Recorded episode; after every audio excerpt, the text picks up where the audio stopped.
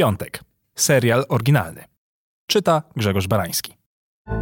Krew mnie z tym kaszojadowym biznesem zaleje. Nie mogę już, coś mnie trafi zaraz. To są te dni właśnie, kiedy w człowieku zbiera się taka ilość rozgoryczenia, wymieszanego z jadem, że ma ochotę rzucić wszystko w pizdu i zająć się czymś zgoła innym, najlepiej takim, co nie wymaga kontaktów międzyludzkich. O, proszę, informatyk, praca w domu, aha, średnie lub proponowane zarobki.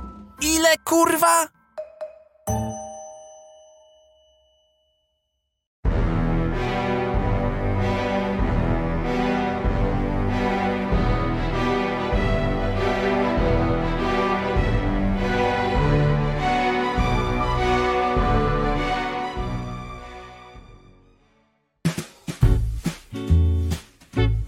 Ojciec zawsze powtarzał, żeby mieć fach w ręku, byle nie być tym chłopczykiem w okularach, co tylko klika w klawiaturę i niby pracuje, bo to przecież nie praca. Oczywiście ten sam mój ojciec codziennie korzysta z dziesiątek aplikacji czy udogodnień, które powstały właśnie dzięki takim chłopczykom w okularach. W sumie to chichot losu, że te gnębione niegdyś jednostki, co z piwnicy nie wychodziły, ale zawsze dawały ściągnąć z matmy, bo im to wchodziło do głowy gładko, teraz właściwie programują otaczający nas świat. I koniec końców to oni jeżdżą tymi wymarzonymi furami i ogarniają te babeczki, do których co drugi czad z drużyny sportowej wzdychał. Ale mit zgarbionego przegrywka mimo wszystko pozostał. Oczywiście zdarzają się takie turbojednostki, co im Bozia dała ciało Achillesa i umysł matematyka, co po nocach śni zero-jedynkowo. Mówię na nich Steve Rogersy, wiecie, to tacy informatycy, którzy na co dzień klepią frontenda dla dużego amerykańskiego korpo, a potem idą na siłownię, zachowując idealny balans ciała i umysłu. Ale to akurat rzadkość i wyjątek, bo jednak pokutuje wizerunek na wyleniałego szczuroczłeka.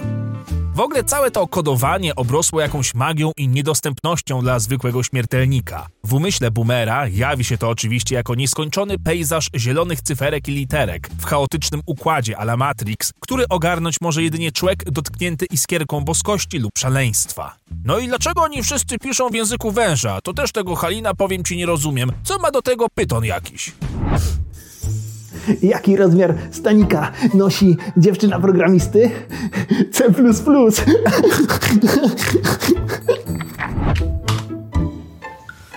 Trzeci raz wpisałem nieprawidłowe captcha.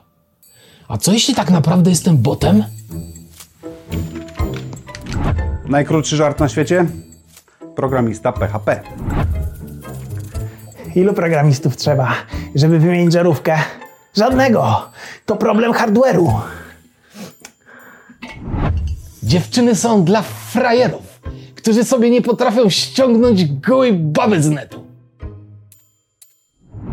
Laska, patrz. Jestem inżynierem, ale inżynierem oprogramowania, a nie jakimś tam robakiem inżynierem sieciowcem. Umówisz się ze mną? Mam cię. Jedna z korporacji branży IT opracowała dyski twarde o nieskończonej objętości. Podobno mają trafić na rynek, jak się tylko skończą formatować. A, dobre to. Nienawidzę lata. Słońce mi za bardzo świeci w monitor. W realu to jest to mrówcze dłubanie w językach programowania, byle tylko przycisk na apce się klikał jak należy, albo strona tej samej firmy wyglądała równie dobrze w Polsce, jak i w Korei Południowej. Robota, jak się domyślam, równie wkurwiająca jak każda inna, która wymaga precyzji i wielopoziomowego myślenia. Tyle, że w przeciwieństwie do wielu innych zawodów, programista to profesja przyszłości. Oczywiście zachwyt nad talentem programisty kończy się przy okazji poznania jego zarobków, gdyż podziw, wedle polskiej natury, musi ustąpić zawiści i zazdrości. Jak Kowalski zobaczy, ile miesięcznie taki ledwie student wyciąga za stukanie w klawisze, to aorty piszczą jak świeża trawa w ogniu, bo leci trzeci zawał. No bo jak to tak? Łopatą w życiu nie machał, wojsku nikt go nie cwelił, życia nie zna, a już taki pieniądz mu się należy? A za co to? A kto to widział? Dlaczego to w ogóle tak płatne jest? Oczywiście tutaj też zdarzają się cwaniaczki, co robią na B2B w trzech różnych firmach, licząc, że nikt się nie skapnie, ale wiadomo, januszerka i cwaniactwo jest w każdym zawodzie. Swoją drogą wiecie, że większa część systemu bankowego stoi na języku programowania z lat 70. o nazwie COBOL? Nikt już prawie tego języka się nie uczy i jak poumierają najstarsi informatycy, to będzie taka sama jazda jak w przypadku komunikowania się ze starymi satelitami, bo nagle się okaże, że nikt tych przedpotopowych kodów nie ogarnia i trzeba szukać 80-latków, byle tylko przekazali wiedzę. Jak tak dalej pójdzie, to za 50 lat nikt dyskietki nie będzie potrafił otworzyć. No, ale to już nie nasz problem, przynajmniej na razie. Na świecie jest 10 rodzajów ludzi. Ci, którzy rozumieją system binarny i ci, którzy go nie rozumieją. Kim jest team leader? To jest taka osoba, która by chciała, żeby dziewięć kobiet urodziło dziecko w jeden miesiąc. Proszę ciebie. Kodowaniem to jest trochę tak jak z budową katedry. Budujesz, budujesz i budujesz. A na koniec modlisz się, żeby wszystko działało. Enter. Kurwa, błąd znowu. Jeszcze raz. Sorki. Każdy programista wie, że rolą Scrum Mastera jest zawracanie nam dupy. Nie wytrzymie. To dobry programista wiesza się razem ze swoim programem. Czym programiści myją podłogę? Ajaxem.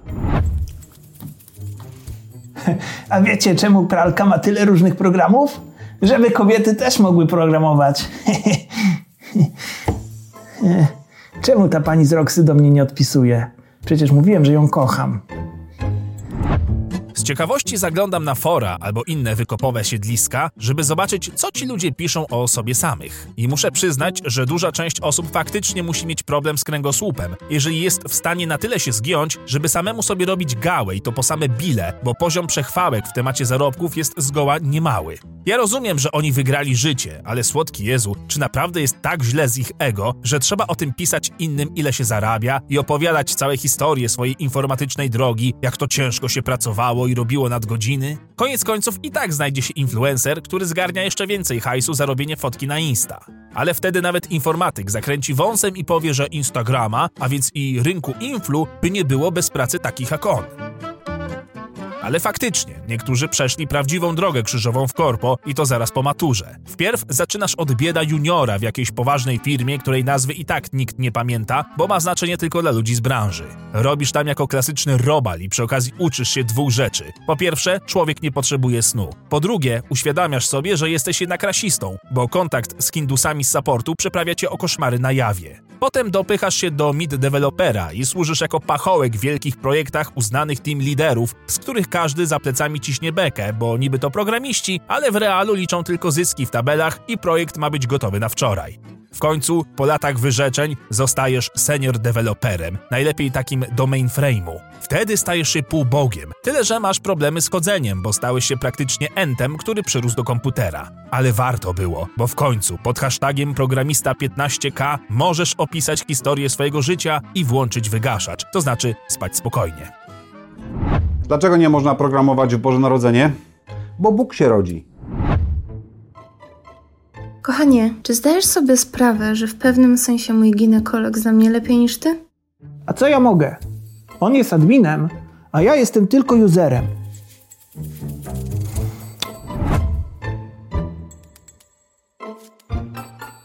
No dobrze słyszałeś. Wyjebali mnie. Jak to jest być bezrobotnym? No, powiem ci, że to było najgorsze 30 minut mojego życia. O, szukają kogoś, kto zna Kobola. Ciekawe, kto umarł. Pan Józek?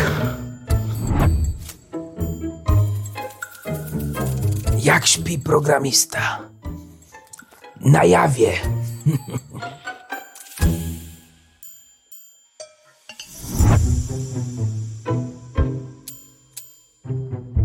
Ale zimno w tym pokoju. Mógłbyś zamknąć okno?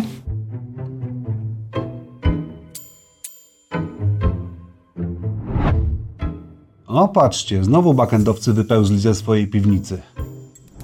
Prawda jest jednak taka, że dzisiaj bez umiejętności tych ludzi nie kupilibyśmy nawet biletu na autobus, a nawet jeśli to autobus pewnie i tak by nie przyjechał bez konkretnego systemu rozkładu jazdy. Cały świat stoi na tych jedynkach i zerach, czy tego chcemy, czy nie, a ktoś przecież ten cholerny kot musi klepać. Niektórzy wieszczą, że sztuczna inteligencja zastąpi również programistów. I nawet jeśli, to i tak wpierw dowiemy się o tym z artykułów napisanych przez wspomniane AI, bo dziennikarstwo w ludzkim wydaniu jako pierwsze odejdzie do lamusa. A, no i kto wam zrobi tego hot doga w żabie, jak nie komputer? Takich chwilach jak ta, nagle cała złość ze mnie ulatuje i w sumie to dziękuję losowi, że mam robotę taką, jaką mam i w sumie przedszkole zawsze będzie potrzebne. Bo czasami trzeba zwyczajnie spojrzeć prawdzie w oczy. Nawet jakbym chciał się tego kodowania i programowania uczyć, to i tak jestem na to zwyczajnie za głupi.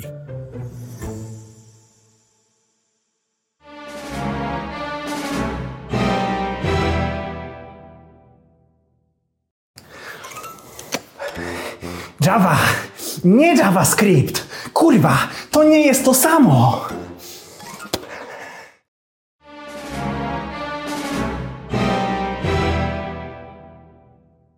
Piątek. Serial oryginalny. Czyta Grzegorz Barański. Ale po co ja ci tutaj? No przecież ja ci w niczym nie pomogę. No, no wiem, synu, wiem. To jesteś pacań miernota bez prawa jazdy. No ale jak cię nie nauczyłem prowadzić samochodu, to przynajmniej zobacz, jak się te auta kupuje. No. Patrz i ucz się. Tylko tego mi brakowało w piątkowe popołudnie. Zamiast śnić o niebieskich migdałach i o zimnym browcu, który odpali weekend, muszę chodzić ze starym na autobranie po jakichś szemranych komisach czy garażowych wystawkach, gdzie oczywiście czekają na nas sępy zwane typowymi mirkami. Oj, już czuję, że to będzie pamiętna dla mnie lekcja, nie tylko życiowa, ale wręcz patriotyczna.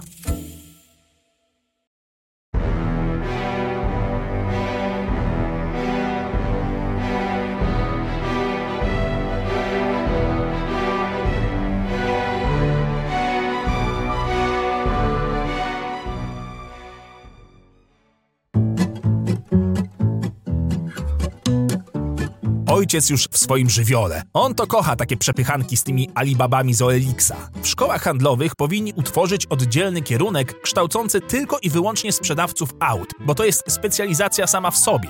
Ci ludzie są geniuszami, potrafiącymi wcisnąć bliźniemu swemu największego szrota na parkingu w dosłownie kilku zdaniach. Albo to klienci tracą punkty IQ zaraz po przejściu granic ich kramów, tego w sumie nie wiem. Na pewno jednak odprawiają się tutaj jakieś czary, no bo przecież nikt normalny nie rozważyłby kupna auta, którego jedynym celem jest służyć jako surowiec na żyletki. Nie mówiąc już o próbie jeżdżenia nim. Ale ci złotouści czarodzieje potrafią z każdej wady zrobić zaletę lub ją ukryć pod stosem mglistych opisów i dwuznacznych niedopowiedzeń.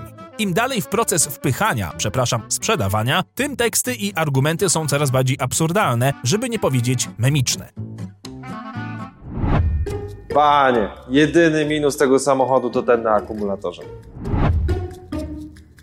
Jak mnie trzepali z nim na granicy, to pies tropiący nie chciał wysiadać. Tak mu było dobrze. Rozrusznik kręci szybciej niż turek kebaba. Taką furą jak na cmentarz zajedziesz, to ksiądz procesję wstrzymuje, bo myśli, że biskup przyjechał. Podjedzie pan tym złotkiem pod byle budę z Chińczykiem i od razu będą z haraczem biegli. Panie! Jak syn pożyczy i pod remizę zajedzie, to impreza na parking się przeniesie. I jeszcze per komendancie będą mówić. O! I klasyk klasyków oczywiście, który zmiękcza serce każdego wąsacza po pięćdziesiątce, czyli Ja to się cały czas zastanawiam, czego sobie nie zostawić. W ogóle co to jest za tajemnicza, przedpotopowa miara jakości, że autem kiedyś jeździł jakiś Niemiec? Kurwa, zamiast przebiegu ojciec się pyta, ilu Niemców nim jeździło i to jest dla niego ważniejsze. Bonusem zaś często jest płyta ze szwabskim disco polo, która została zapomniana w napędzie i teraz stanowi darmowy dodatek do samochodu.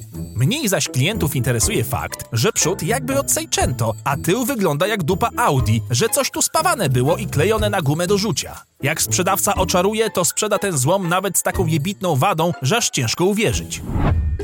No tak, licznik był kręcony, ale to dlatego, żebyście nie uwierzyli, że tak mało było jeżdżone.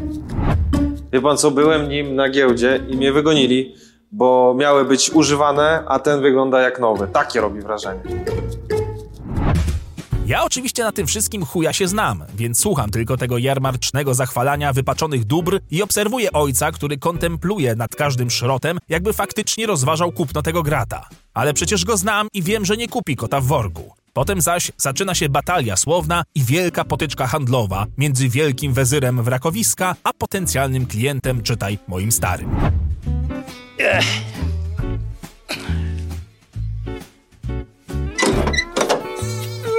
Ciężkie. To ile panie za ten szrot będzie? No za tego to 2000, dobry panie. To nawet tak nie dużo. No, euro oczywiście. A, kurwa, euro, oczywiście, oczywiście. A to jakąś klimę ma? Maj, to tak chłodzi, że idzie się przeziębić latem. A przyspieszenie? Jeszcze jak, młodego raz na rondzie poniosło, to aż się tęcza przypaliła. Kurwa. Czemu akurat w przypadku tak istotnej rzeczy, jakim jest środek transportu, który przecież z zasady powinien być bezpieczny, mało awaryjny i ogólnie w miarę niezawodny, tak dużo sprzedawców tnie w chuja i wciska ludziom każdy możliwy kit, byle tylko pozbyć się tego wraku z parkingu? Rozumiem, że każda potwora znajdzie swojego amatora, również w świecie używanych samochodów, ale niektórzy sprzedawcy są całkowicie pozbawieni etyki. Jakby dało radę, to by i auto bez silnika sprzedali, mówiąc, że jest zmęczone, ale jak się wyśpi, to jutro odpali. Jak staniesz nim pod drzewem, to ptaki się przesiadają, żeby nie nasrać. Poważnie.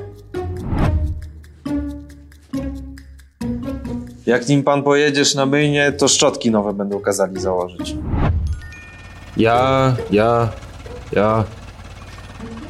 Jak go kupiłem, to nie jest mnie do samej granicy gonił, bo się rozmyślił. A teraz co chwilę dzwoni, żeby silnika posłuchać. Hans? Herzdu? I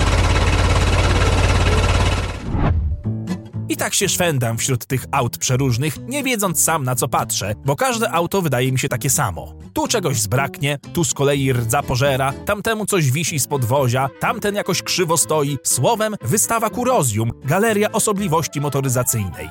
Ceny niekiedy faktycznie całkiem w zasięgu Kowalskiego. Rozumiem więc, że chętni na tani transport się znajdą. Ale wiem też, że każde to auto skrywa jakąś mroczną tajemnicę. Jeśli nie powypadkową, to przynajmniej szemraną. Coś jest na rzeczy, czegoś mi ten bajerant nie mówi. Ja za stary jestem na takie tanie numery. Tu trzeba powęszyć lepiej, wybadać go, może wódkę wychylić, to się wtedy język rozwinie. Albo po prostu od tego patrzenia na te milczące reflektory sam już paranoi dostaje. Czy tak właśnie wygląda transformacja w pełnokrwistego Polaka? Ciągłe poczucia bycia robionym w chuja, mimo że samemu się tutaj przylazło szukać towaru? Czy tak czuje się mój ojciec za każdym razem, jak idzie coś kupić? A może to po prostu ja jeszcze, mimo wieku przecież już nie młodego, żyję w jakiejś dziecięcej naiwności, że wszyscy są uczciwi i nigdy mnie nie oszukają?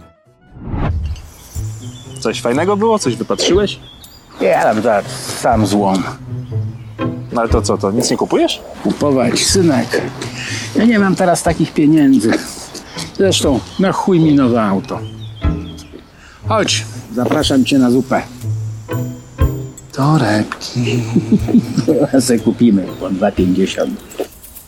Ja to jednak muszę się o tym życiu i handlu jeszcze sporo nauczyć.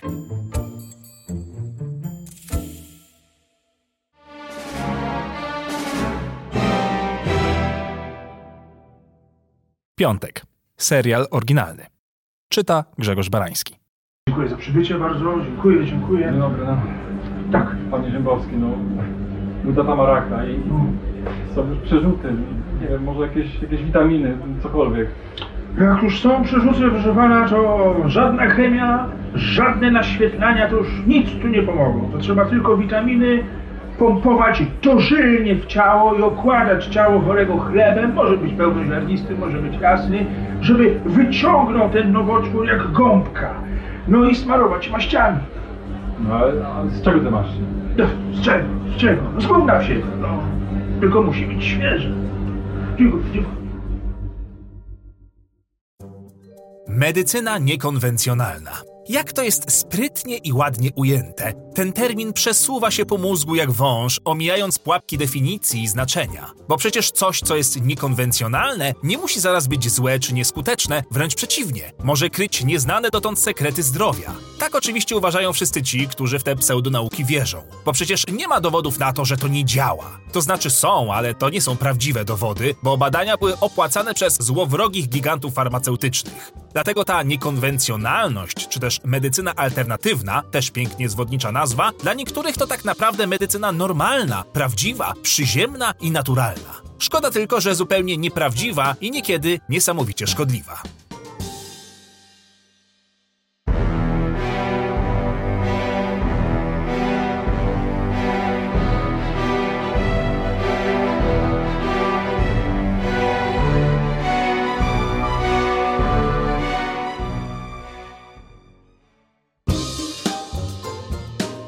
Działania ziół nikt przecież nie kwestionuje. Wiadomo, że rumianek co wieczór to prozdrowotny nawyk. Tyle, że kiedy człowiek leży pożerany przez raka, to ten rumianek da raczej tylko aromat, który zabije zapach zbliżającej się śmierci. Ale skąd się bierze ten lęk przed zrozumieniem prawdziwej nauki? Czemu tak dużo ludzi skręca nagle, skoro interesuje się danym tematem, w dziwne odnogi pseudowiedzy medycznej? Powodów jest jak zawsze kilka. Pierwszy to skomplikowanie wiedzy faktycznej, tej stricte naukowej. Jak człowiek zaczyna wczytywać się w to, jak zbudowany jest ludzki organizm i jak wygląda struktura chemiczna zwykłej witaminy, to nagle przypomina sobie, dlaczego matura była tylko z Polaka, a i tak poszło ciężko. Wiedza wymaga nauki, a ta z kolei wymaga zaangażowania, czasu i zwykłych ludzkich chęci do wkuwania trudnych tematów. Bo prawda jest taka, że dziś nawet specjaliści mają niekiedy problem, by na szybko sprawdzić i do tego jeszcze potwierdzić niektóre badania. Wymaga to często wiedzy z zakresu genetyki, biochemii molekularnej, immunologii, metodyki badań klinicznych i naukowych, a wreszcie statystyki i samej oceny jakości danych pisma naukowego, z których się czerpie wiedzę. Dla pani Grażyny, która cierpi na bezsenność i która po nocach przeszukuje internet szukając odpowiedzi innej niż wycieczka do lekarza, raczej łatwiej będzie sięgnąć po ulotkę jakiegoś znachora, który powie jej, że szklanka z wodą i solą kłodawską załatwi sprawę, aniżeli przekopywać się przez podręczniki medyczne, żeby zrozumieć istotę problemu. Drodzy Państwo, wielu z Państwa zapytuje mnie, a co w przypadku zawału serca? Sprawa jest bardzo prosta. Bierzemy zwykłą wykałaczkę lub jeżeli nie mamy, to taki oto y, widelczyk. Mały, nieduży, może być deserowy, prawda? I bierzemy do nosa i uciskamy rytmicznie w rytm serca. I zawał jak ręką od ją przechodzi. A jeżeli nie, no to i tak już raczej nic nas w życiu martwić nie będzie, prawda? Po drugie, służba zdrowia rzutuje na poglądy ludzi na temat samej medycyny, bo jeśli wizyta trwa w Polsce średnio 10 minut, a przykładowo w Szwecji 22 minuty na pacjenta, to taki człowiek wychodzi z poczuciem bycia olanym i niewysłuchanym i zwyczajnie porzuconym ze swoimi dolegliwościami. A tu nagle wyskakuje jakiś dziadzio, który mówi, że wszystko da się załatwić dzięki olejkom za dwie stówy i gotowe. Hmm, udar. Udar to jest ciężka rzecz, ale nie ma niczego, czego nie można by wyleczyć naturalnymi metodami. Proszę panią, czy próbowała pani soli kurawskiej? Jeżeli nie, to jest u mnie w sklepie.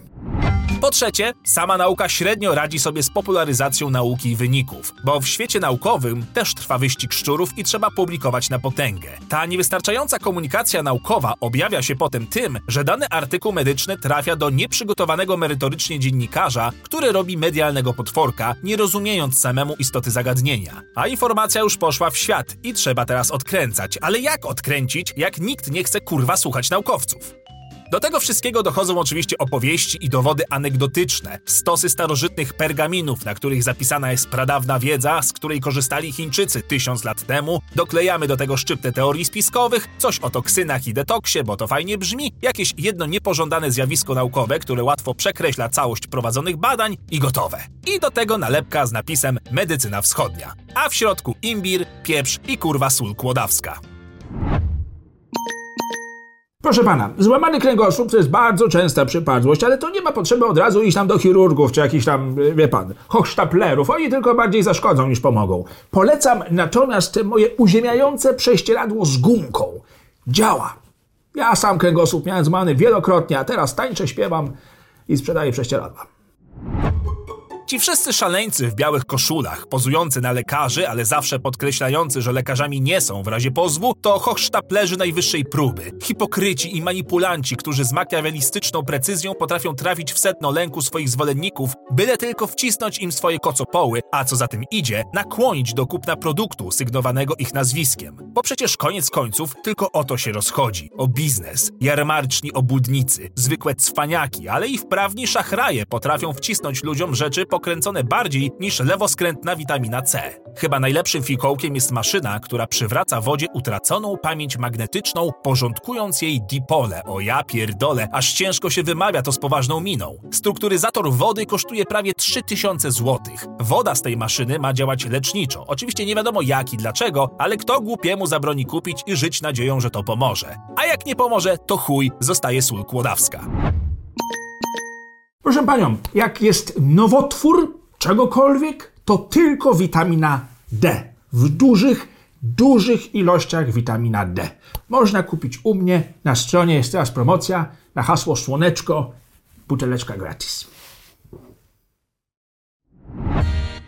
Najgorsze, że te bzdury rozsiały się jak chwasty w ogrodzie wiedzy i ciężko je wyplenić. Teraz praktycznie każda gałąź medycyny ma jakieś swoje skrzywione, niekonwencjonalne odbicie. Miód w niewielkiej ilości jest zdrowy, ale nie lepiej sięgnąć po apiterapię? Polega ona na podawaniu produktów pochodzących od pszczół.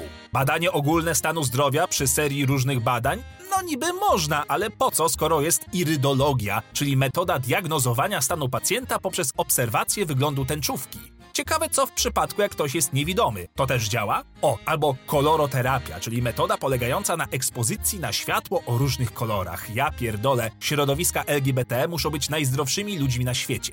Nie wspominam już o radiestezji, czyli metodzie polegającej na użyciu wahadeł czy urynoterapii, która chyba sama wiecie, co zakłada.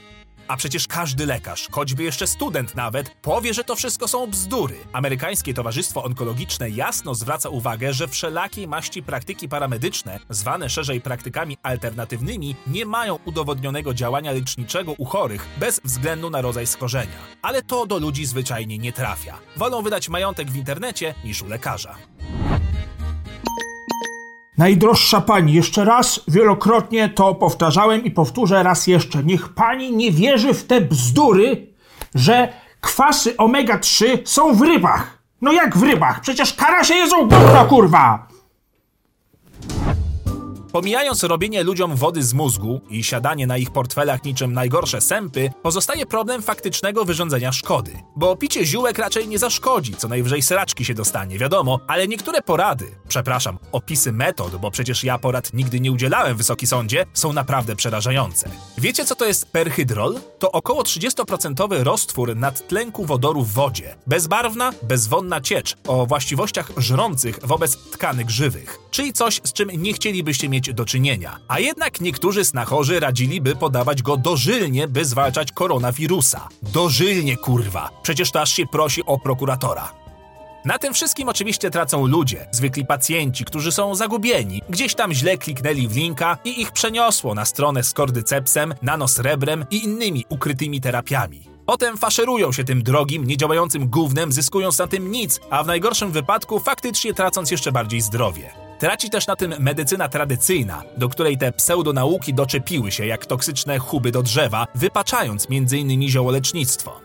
A tymczasem konta bankowe szamanów puchną jak pojebane. Bo dobry szeptun, moi drodzy, to bogaty szeptun. Aha, i pamiętajcie, że nawet jakby było z wami bardzo źle, wiecie, rak, AIDS czy inne nieszczęścia, to zawsze jest sylwoterapia. Metoda polegająca na przebywaniu przy drzewach i krzewach. Na pewno pomoże.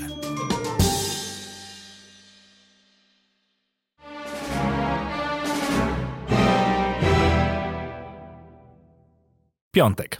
Serial oryginalny. Czyta Grzegorz Barański.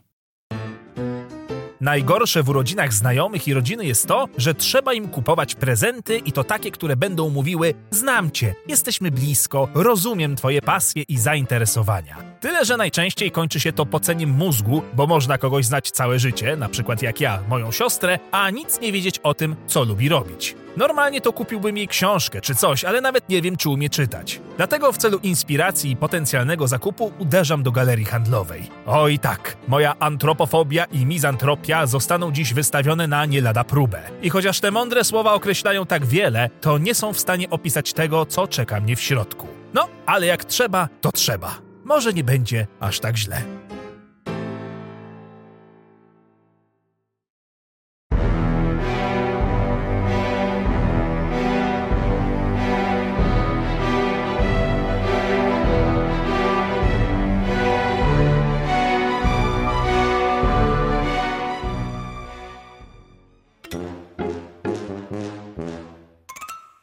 Typowy wypad do galerii handlowej najczęściej zaczyna się walką o miejsce parkingowe. Ja co prawda problemu z parkowaniem auta nie mam, bo nie posiadam samochodu, ale za dzieciaka pamiętam wypady z rodzicami, które zawsze zaczynały się od wnerwu starego, które dawało emocjonalny ferment na resztę wypadu.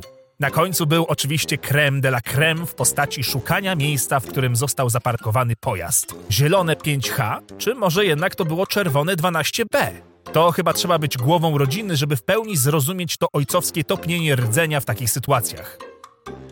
Potem wychodzi się oczywiście na żery, czyli zakupowe szaleństwo, które w sumie z obłąkaniem nie ma nic wspólnego, bo dzisiaj te świątynie konsumpcjonizmu to bardziej oazy relaksu służące niektórym do odpoczynku albo zabijania nudy. Na korytarzach zawsze znajdzie się jednak kilka typów klientów. Kanapowcy. Kanapowcy to najczęściej faceci czekający, aż ich partnerki dokonają wyboru stanika, gaci, zapachowej świeczki czy innych duperelów, nad którymi trzeba się głowić i zastanawiać minimum 20 minut na każdy przedmiot. Kanapowcy albo wpatrują się tempo w przestrzeń, myśląc nad sensem życia, albo koją nerwy ładowaniem telefonu, żeby chociaż tyle mieć z tego życia. Kanapowcy to często też osoby starsze, które wyglądają jakby ktoś je tam zostawił i o nich zapomniał, ale w sumie im dobrze, bo jest ciepło i leci muzyczka. Szwendacze.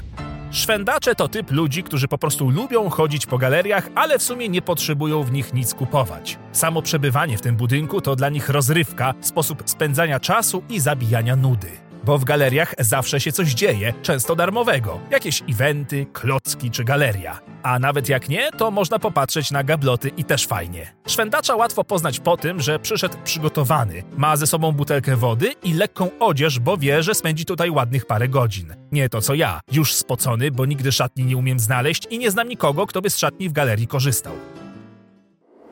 Zakupocholiczki. Zakupocholiczki to w 99% kobiety, nie oszukujmy się, a przynajmniej po nich najbardziej to widać. To panie, które kroczą przez galerię przypominając obwoźny stragan arabski na kółkach albo żeby wieszak na torby. Kto nie wierzy w siłę fizyczną kobiet, niech przekona się, ile jest w stanie reklamówek i papierowych toreb dźwigać przez godzinę takiego zakupowego rajdu. Jeżeli towarzyszy im kanapowiec, to najczęściej zamienia się od razu w muła, czyli zwykłego tragarza. Ale niektórzy to lubią, bo przynajmniej czują się potrzebni, a to zawsze lepsze niż siedzenie na kanapach. Próbkowicze.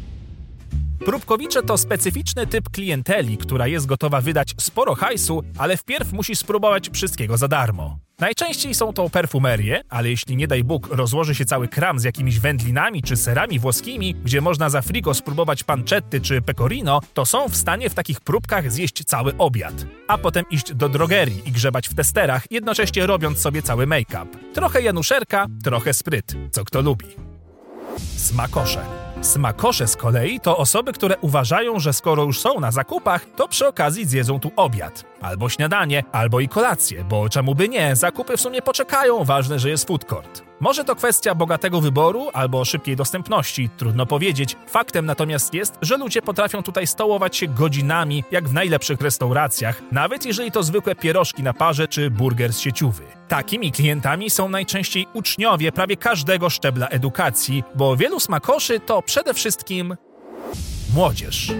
Młodzież. I to dużo, dużo młodzieży, która galerię handlową traktuje po prostu jako miejsce spotkań, jak kiedyś osiedlowy trzepak. Bo i po co się ustawiać pod blokiem, jak można w galerii, skoro i tak jest tutaj połowa szkoły, co widać po plecakach. Młodzież niewiele kupuje, ale za to lubi się szwendać, przesiadywać bez celu całymi grupami, coś tam oszamać w formie frytek i dalej się szwendać. Osobiście tego modelu rozrywki nigdy nie zrozumiem, bo bycie szczurem z supermarketu nigdy mnie nie jarało, no ale przynajmniej jakoś się tam socjalizują. O ile nie siedzą całymi grupami na telefonach w ciszy, bo to też widok nierzadki. Ach, zabumerowałem teraz nieco, no ale trudno. Rodzinka.pl Wszystkich tych gości może zabraknąć, ale możecie być pewni, że zawsze znajdzie się jakaś rodzinka. Wkurwiony ojciec, matka przewodniczka i minimum dwa gówniaki, które traktują przestrzeń handlową jak park rozrywki. Tato chce już być w domu i osiągnąć mityczny, legendarny wręcz święty spokój, ale nie może, bo musi wozić swoją lubą i jeszcze za wszystko płacić. Mamuśka w sumie też ma dość, ale woli zakupy niż stanie przy garach. Plus dzieciaki mają według niej jakąś rozrywkę, więc nie będą na niej wisieć przez godzinę. Młodziki zaś tak naprawdę to wolałyby szaleć na placu zabaw, więc robią co mogą w otaczającym ich środowisku. Oczywiście trafiają się takie szczęśliwe i radosne paczki, wiecznie uśmiechniętych jak z reklamy ubezpieczenia, ale to rzadkość. Bo z rodziną to dobrze tylko na zdjęciu, ale na pewno nie na wspólnych zakupach. Interesant. Na koniec są jeszcze interesanci, czyli takie osoby jak ja, ale nie tylko. To wszyscy ci, którzy generalnie nie mają akurat potrzeby, by tu przebywać, ale nigdzie indziej nie załatwią danej sprawy, bo fizyczny oddział waszego banku znajduje się właśnie tutaj albo dwie dzielnice dalej. Tak samo jest z operatorem sieci komórkowej czy dostawcą internetu. Są i tacy, co idą do galerii tylko i wyłącznie po to, by skorzystać z fotobudki, soczewkomatu, czy potrzebują nakleić szybkę na telefon, ale sami nie potrafią. To zawsze osoby z jedną konkretną misją, której uwagi nie odwróci żadna reklama czy okazja. Ja mam niestety gorzej, bo sam nie wiem, czego szukam, ale też wiem, że nie wyjdę stąd bez kupna prezentu.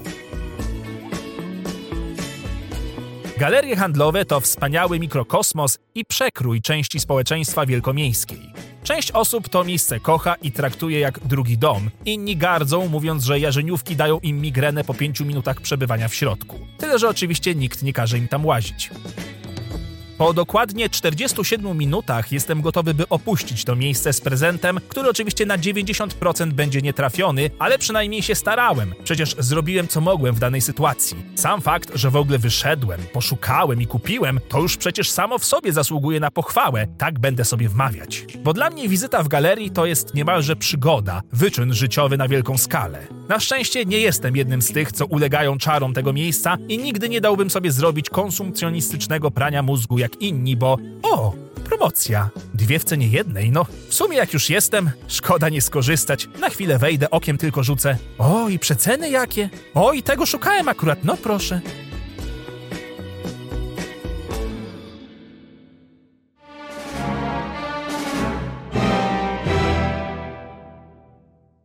Piątek. Serial oryginalny. Czyta Grzegorz Barański. Jeszcze za czasów szkolnych chodziło się do takiego jednego czarodzieja od mózgu, który pomagał mi przejść przez różne stany emocjonalne, głównie te związane z sytuacją mojej siostry i ogólnie wszystkiego, co się wtedy działo. Od tamtego czasu minęło już sporo lat i kilogramów. Dziś wiem, że byłem nieprzygotowany mentalnie na to, by wpuścić kogoś do swojej głowy, ale uznałem, że może czas spróbować raz jeszcze, po dorosłemu, na poważnie. Żeby ktoś tam popukał po zwojach i zaczerpnął wiedzy ze studni mojej zjebanej duszy. Odkopałem więc numer do typa, zadzwoniłem i umówiłem się na wizytę. Jeszcze nie wszedłem, ale zastanawiam się, czy będę żałował.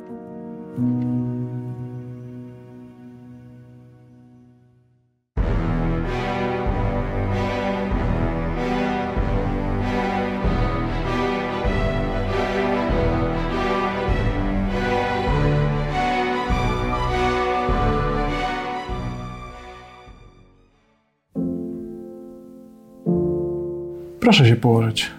Tylko spokojnie. Nie, ja jestem spokojny. Mówiłem do siebie. Skubany z mordy się zupełnie nie zmienił, tylko też mu objętości cielesnej przybyło, jak i mnie. Przypomina mi kogoś, kogo znam, ale sam nie wiem. Zawsze mnie zastanawiało, czym ci ludzie tak właściwie się zajmują. Cała ta psychologiczna działka to jest dla mnie czarna magia. W Stanach to choćby człowiek miał jeden gorszy dzień, to od razu lekami szprycują, żeby widział wszystko w kolorze różu, a potem drugie tyle, ile płacił za leczenie, doił na odwyk od chemii dla mózgu. Według regułki, psychoanalityk to specjalista, który przeprowadza psychoanalizę. Wow, jedyne co mi się z tym kojarzy to Freud i inne wielkie nazwiska. W teorii wizyty u tego jegomościa powinny pomóc mi wyjść z zaburzonego stanu psychicznego na prawidłowy. Czyli to by zakładało, że prowadzę teraz stan nieprawidłowy, ale umówmy się, kto w tym kraju jest kurwa normalny i nie wymaga jakiejś formy terapii? Może po prostu go o to zapytam.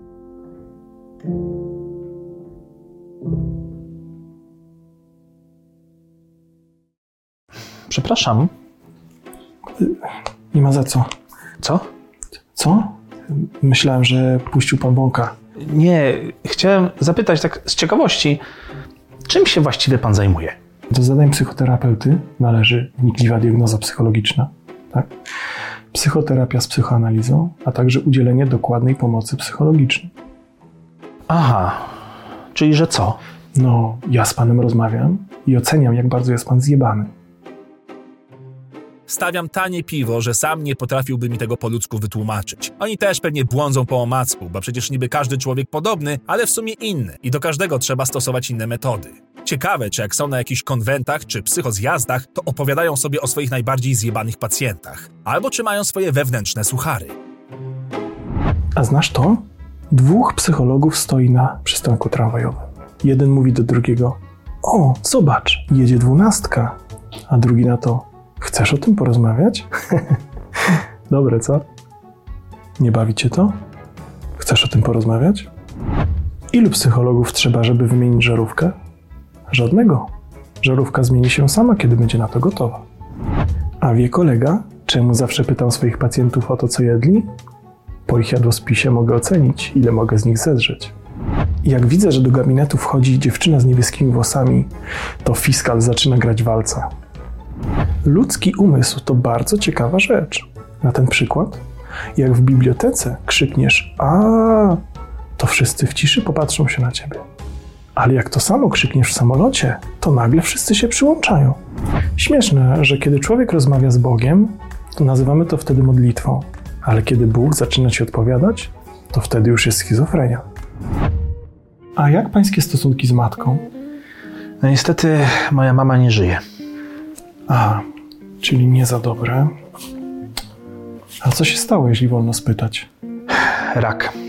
O, a ja bliźnięta. Nie, nie rozumiem. Nieważne. Ma pan jakieś natręctwa? Nerwice? Nie no, nie wydaje mi się, chyba nie. Na pewno jakieś pan ma. Każdy jakieś ma. Jakoś panu zaraz znajdziemy. E, spokojnie. To niech pan mi teraz może opowie coś o sobie. Może zacznijmy od początku. Proszę opowiedzieć mi o jakimś traumatycznym zdarzeniu z pana dzieciństwa. Tylko wie pan, niech będzie takie hardkorowe, takie co najmniej na kilka sesji. Hmm, no tak, no dobra. No to urodziłem się w. Na początku Warszawie. było głupio, ale teraz tak sobie myślę, że fajnie tak komuś wszystko móc powiedzieć. Po prostu zrzucić ten cały syf psychiczny na czyjąś głowę, uzewnętrznić się, ponarzekać, powiedzieć naprawdę co się myśli, a nie udawać jak przed połową znajomych, żeby nie daj Bóg kogoś nie urazić, czy aby nie wyjść na debila albo szaleńca. Im dalej w rozmowę, tym bardziej uświadamiam sobie, jak bardzo brakowało mi przestrzeni, w której nikt nie będzie mnie oceniał ani wyrokował w moim temacie. Nie wiedziałem też, jak bardzo brakowało mi tego, aby ktoś mnie wysłuchał, od A do Z, w skupieniu i w zrozumieniu. Zaczynam rozumieć, czemu teraz co drugi celebryta ma swojego speca od głowy, to po prostu pozwala zmniejszyć to nasze ogólnopolskie, wieczne wkurwienie na wszystko. Po takim maratonie opowieści, pytań i odpowiedzi czuję się przyjemnie zmęczony jak po dobrym treningu. Katarzis pełne to może jeszcze nie jest, ale na pewno mi lepiej i lżej na sercu, bo w końcu... Panie Grzegorzu, przykro mi, ale czas już się kończy. Po tym, co dzisiaj od pana usłyszałem, mogę na razie powiedzieć, że Oho, czyli będzie werdykt zaraz. Diagnoza wstępna, albo jakiś zarys moich skrywanych w odmętach świadomości problemów. Pewnie coś związanego z ojcem albo brakiem matki. Czuję, że to będzie jak obuchem w łeb i nagle wszystko stanie się jasne. straszny z pana spierdoliks. Typowy przegrywek. Mega pizda. Wymoczek zwyczajny. Ciężko mi się tego słuchało. Praktycznie każdy z pańskich problemów to wynik pańskich własnych decyzji i postępowań. Co prawda, można by troszeczkę zrzucić sytuację na rodzinę, ale wie pan, miał pan 20 lat, żeby ogarnąć dupę. Przyznam, że nie wiem, co mnie teraz bardziej świeżbi. Czy kukle od słuchania tego pańskiego żałosnego płaku-płaku, czy ręka, żeby panu wyprowadzić plaskacza na tą utuczoną mordę. Nawet nie mam czego panu przepisać. Szkoda jeszcze taki mózg chemią karmić, a potem miałbym pana na sumieniu i w papierach. Szkoda mi reputacji na takie ziobro jak pan.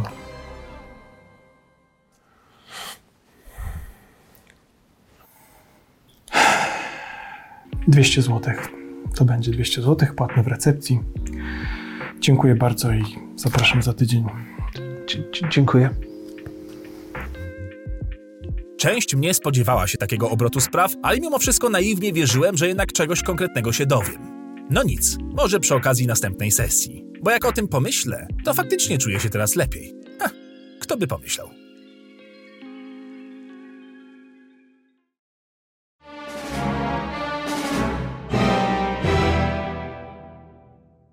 Piątek. Serial oryginalny. Czyta Grzegorz Barański. W słoneczne, piątkowe popołudnie dobrze jest czasami wrócić myślami do tych wesołych, radosnych wypadów za granicę, które człowiek tak wspomina z radością w sercu. To zawsze dla mnie taki zastrzyk chęci życia, że wiecie, jednak gdzieś tam byłem, coś widziałem, coś w tym swoim marnym żywocie robię. Dlatego zaglądam do folderów sprzed lat, by przejść się raz jeszcze ścieżką wspomnień po tych wszystkich urokliwych miejscach, które mnie gościły i po których leczenie kaca było prawdziwą przyjemnością.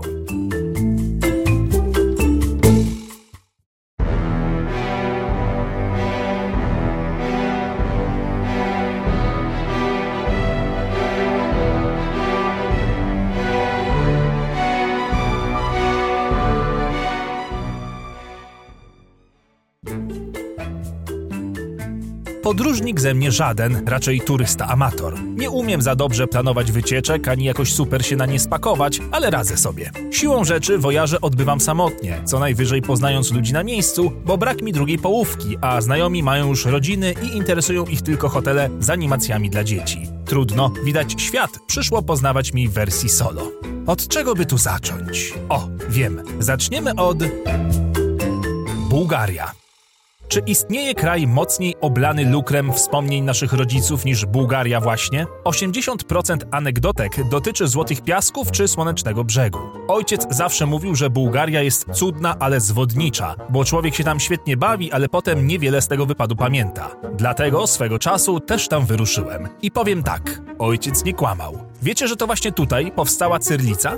Albo że ich jogurty leczą wszystko? Serio, oni ten jogurt jedzą ze wszystkim i do wszystkiego. Statystycznie Bułgarzy żyją dłużej niż inne narody. To podobno zasługa małej ilości stresu i tych cholernych jogurtów. Bułgaria to jednak wielka imprezownia. To właśnie do Bułgarów należy rekord Guinnessa w biesiadowaniu. Ilość pubów jest mniej więcej podobna jak pomników Papaja w Polsce, czyli naprawdę sporo. Dla bardzo wymagających, czy raczej odważnych, czekają salony tatuażów, w których można się wydzierać. Uważajcie jednak na te miejsca, bo po jednym z melanży z Angolem, który wyglądał jak Thor, dorobiłem się atramentowej pamiątki na prawym pośladku. Nie usuwam, bo i po co, zawsze to jakaś pamiątka, szkoda, że nie pamiętam wykonania. A, no i jeszcze Nesebar, jedno z najstarszych miast w całej Europie. Jedyny mankament to niedostępność elektronicznych fajek i wiecznie niby niedziałające terminale w knajpach, byle tylko wyciągnąć od turystów gotówkę. Poznałem tam też fajną rudą dupę, ale na koniec wyjazdu okazało się, że ma męża i dzieci, więc na to też trzeba uważać. Ale poza tym, jeżeli lubicie chrać w słonecznej atmosferze, to ciężko o lepsze miejsce. Tuwalu. Słyszeliście o Tuwalu? Nie?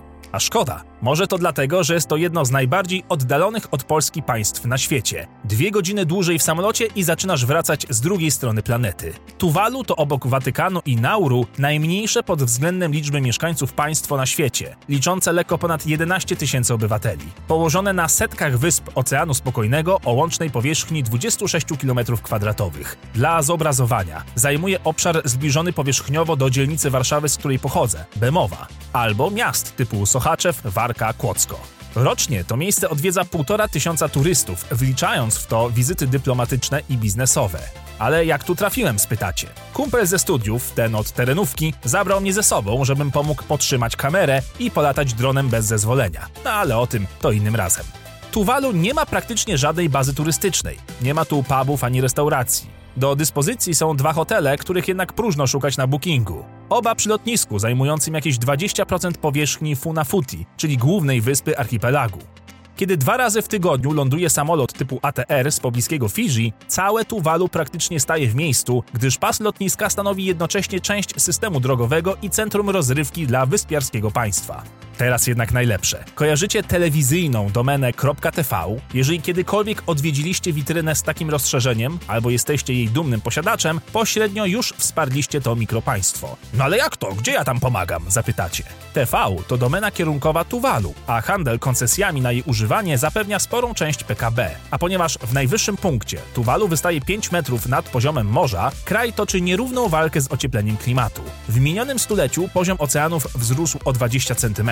Szacuje się, że większa część powierzchni Tuwalu zniknie do 2050 roku, zatem cała kasa z domen TV idzie de facto na umocnienie linii brzegowej. Taka ciekawostka, jakby wam zabrakło tematów przy piwie.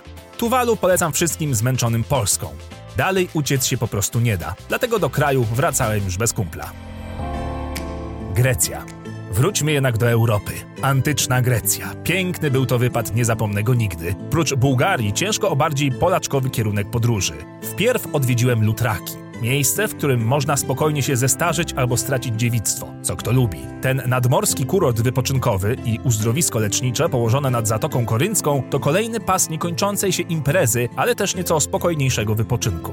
Jeżeli lubicie różne owoce morza, albo może inaczej, jeżeli lubicie porcje krewetek większe od waszej głowy, to będziecie zadowoleni. Po trzech dniach jedzenia tych pyszności zacząłem komunikować się z rybami niczym polski Aquaman, co prawda tylko w jedną stronę, bo to ja do nich mówiłem, ale też się liczy. A może to po prostu zasługa hektolitrów reciny, ciężko powiedzieć. No i greckie suwlaki. Przecież nasz kebab to klęka do miecza przy tym żarciu. Nigdzie nie utyłem tyle, ile w Grecji. Potem zawitałem do Aten, żeby zaczerpnąć nieco kultury i historii. Te oczywiście musiały poczekać, bo greckie bary z nalewkami działają niczym magnes. Zaraz potem jednak wdrapałem się na Akropol, aczkolwiek przypłaciłem to opalenizną na tak zwaną świnkę. 40-stopniowy upał prawie mnie stopił. Swoją drogą, czy oni kiedyś usuną ten dźwig ze środka tej budowli? Przecież zaraz ta maszyna będzie na pocztówkach, o ile już nie jest. Co do słońca jeszcze, Grecja jest jednym z najbardziej słonecznych miejsc na świecie. Ma nawet 300 słonecznych dni w roku. Ten upał zdaje się wpływać jednak negatywnie na mieszkańców, bo ciężko o bardziej leniwy i olewający klientów naród niż Grecy, ale nie mogę być na nich zły, bo mają wszystkie odmiany oliwek, jakie są na świecie. Australia. Australię pamiętam z podróży do ciotki Leosi, siostry ojca. Podróże tam dość dobrze utkwiły mi w pamięci. Australia jest najmniejszym kontynentem, a jednocześnie największą wyspą na świecie i szóstym pod względem wielkości krajem, ponad 24 razy większym od Polski, a mieszka tu tylko 24,6 milionów ludzi. Powiadają, że w Australii wszystko chcecie zabić i w sumie mają rację. Kraj ten jest domem dla 20 z 25 najbardziej jadowitych węży na świecie. Sam co prawda nie widziałem ani jednego, bo nie wychyliłem nosa z największego miasta Australii, czyli Sydney, uznawanego również za najlepsze do życia miasto na świecie. Ciekawe, czy to zdanie podzielają bezdomni, na których co i raz natrafiałem, albo trzeźwiejący na ławkach lokalni żule, którzy są w większości, niestety, rdzennymi mieszkańcami wyspy, czyli aborygenami. A co warto zobaczyć w Kangurowie? Ja mam trzech faworytów. Dosłownie wszystkie tutejsze parki. Serio. To jak darmowe ogrody botaniczne. Każdy ma to coś, a na przełomie października-listopada rozkwitają jakarandy, którymi obsadzone są ulice Sydney. Całe miasto przybiera kolor lawendy. Wtedy jest tu najpiękniej. Druga pozycja to Opera House w Sydney. To dzisiaj jeden z najbardziej rozpoznawalnych i ciekawych budynków na świecie. Zaprojektował go duński architekt Jorn Utzon. Białe żagle rozciągają się przy błękitnej zatoce na wysokości 185 metrów i stanowią symbol współczesnej Australii. No i dodałbym jeszcze Oceanarium Sea Life. To dom dla ponad 13 tysięcy zwierząt i 700 różnych gatunków, m.in. rekinów, diugoni, żółwi, płaszczek, pingwinów i ryb tropikalnych. Wszystko to żyje w wiernie odzwierciedlonych wodach australijskich wybrzeży. Najciekawszą atrakcją jest długi na 100 metrów tunel oceaniczny oraz mini rejs pontonem przez stado pingwinów. Pięknych wspomnień czar. Z każdego wyjazdu zbieram po magnesie. Wiem, że ciężko bardziej sztampowy token, ale po prostu lubię na nie patrzeć. Piasku mi się wozić nie chce, a zwożenie kamieni z Akropolu to zwykłe januszostwo. Człowiek już nie młody, a zostało jeszcze tak wiele do zobaczenia, tak wiele miejsc i kultur do poznania. Za krótkie to życie, żeby zobaczyć wszystko, a i wątroba przecież ma swoje granice. Ale trudno, trzeba próbować. Chyba pora zadać sobie to najważniejsze podróżnicze pytanie: gdzie wybrać się tym razem? Masz jakiś pomysł? To daj znać.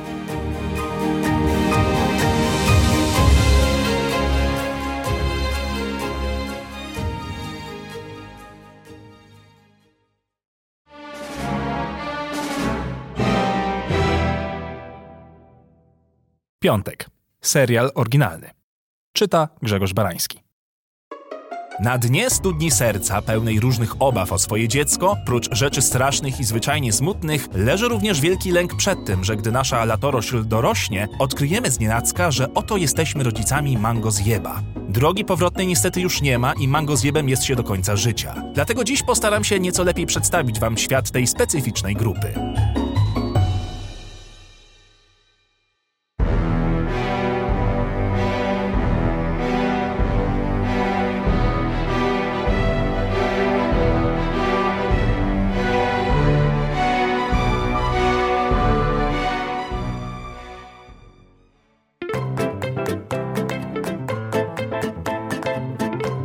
By zostać mangozjebem, wpierw trzeba zostać tak zwanym otaku, czyli fanem japońskiej popkultury, głównie anime, mangi i gier komputerowych w tym stylu. W wielkim skrócie, człowiek taki ma istnego pierdolca na punkcie rysowanych oraz animowanych tworów kraju kwitnącej wiśni. Jak już w to wpadniesz, to zaczynasz żyć w innej rzeczywistości. Po pierwsze, musisz wybrać, czy jesteś za One Piece czy za Naruto, bo tylko jedno anime może być najlepsze ze wszystkich. Chyba, że przyszedł okres bożonarodzeniowy, to wtedy wszyscy zgodnie wałkują Padoru Padoru. Nie polecam googlować i tak nie zrozumiecie. A jeżeli zrozumieliście, to pewnie i tak ten odcinek będzie dla was stekiem kłamstw, bzdur i bezpodstawnych oskarżeń. Mangowca można poznać po tym, że potrafi ni stąd, ni zowąd zacząć śpiewać jakiś opening ze swojego ulubionego anime. To jednak dopiero pierwsze kroki na szczyt Himalajów cringe'u. Ważne, by być proshipersem, czyli osobą, która shipuje jakiś związek postaci z mangi czy anime, najlepiej taki, który jest problematyczny fabularnie czy moralnie, typu dorosły i dziecko. Spokojnie, w tym środowisku nikogo to nie oburza, tam połowa rzeczy, jak nie większość, jest skrycie albo mocno otwarcie seksualizowana. Skoro już o tym mowa, to ważne jest też nadawanie tzw. Tak headcanonów i generalnie zmienianie np. orientacji seksualnej danej postaci, mimo że nigdy nie zostało to powiedziane czy zasugerowane, ale fani wiedzą lepiej. Innym stanem umysłu jest z kolei udawanie, że jest się w związku z jakąś postacią, czyli że posiada się swoją waifu albo husbando. Kiedyś było spanie z wielkimi poduszkami z nadrukiem danej postaci, dziś do gry wchodzi sztuczna inteligencja, która pozwala prowadzić romantyczne dialogi ze swoją cyfrową waifu. Powiem wam, że aż ciężko się to pisze, a co dopiero czyta bez grymasu niesamowitej żenady. Aha, jeszcze dobrze jest nienawidzić Boku ni Pico, czyli takiego hentai, w którym chodzi tylko o ruchanie i praktycznie nie ma fabuły. Czyli coś, co mangowcy lubią najbardziej. Tak, tak, wiem, że też są fajne, poważne i dramatyczne anime, nie zesrajcie się tam. Skupcie się lepiej na tym, czy nie ma jakiegoś nawiązania do JoJo. Mangozjeby bardzo też chciałyby umieć w japoński, dlatego część z nich ryje i wkuwa ten język w wolnym czasie, o czym oczywiście musi informować wszystkich dookoła niczym student prawa. Oczywiście w większości ogranicza się to do powiedzenia Ohio czy innego Konichiwa, które zostało wyryte po jednym sezonie anime. Wielu naszych dzisiejszych bohaterów jest również przekonanych, że ich własne życie byłoby świetnym anime, bo jest dziwne i tragiczne, tak jak historie ich ulubionych bohaterów. Nigdy oczywiście się to nie wydarzy, bo żaden szanujący się rysownik z Japonii nie pochyli się nad żywotem jakiegoś robala z Polski, ale warto mieć marzenia.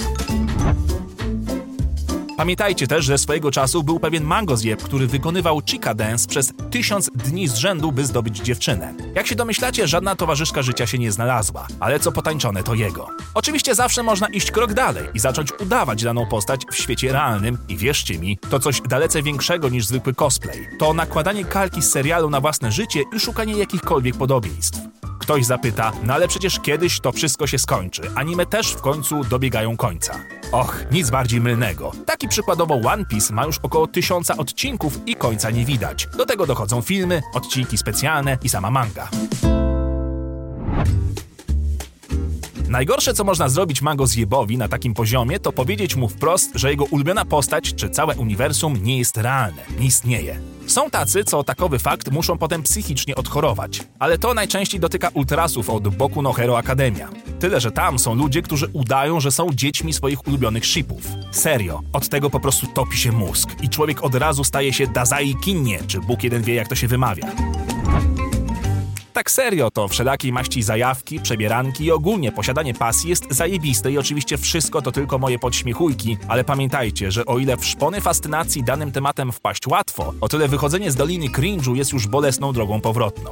Ale wiadomo, wszystko dla ludzi. Jeżeli ktoś serio potrzebuje chodzić w sztucznych kocich uszach i mundurku szkolnym z japońskiej szkoły, to przecież ma do tego pełne prawo. A my mamy prawo z tego się śmiać.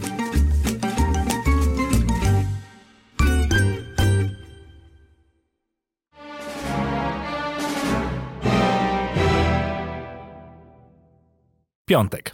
Serial oryginalny. Czyta Grzegorz Barański. Boję się starości, a raczej zaczynam się jej bać. Kiedyś lękiem napawała mnie głupia śmierć, ale w miarę upływu czasu i lat na karku czuję, że moje złote lata będą bardziej w odcieniu pirytu. Jesień życia zamiast kolorów będzie kolażem barwnych etykiet leków, które będę musiał zażywać zaraz po otwarciu oczu, o ile jeszcze będę na nie coś widział. Bowiem w Polsce starzeć się z godnością to rzecz prawie niemożliwa, chyba że na koncie leżą oszczędności życia, które świadczą tylko o wyrzeczeniach i niespełnionych snach. Jak śpiewał Bruce Springsteen, czy marzenie jest kłamstwem, jeżeli się nie spełnia, czy może jest czymś gorszym?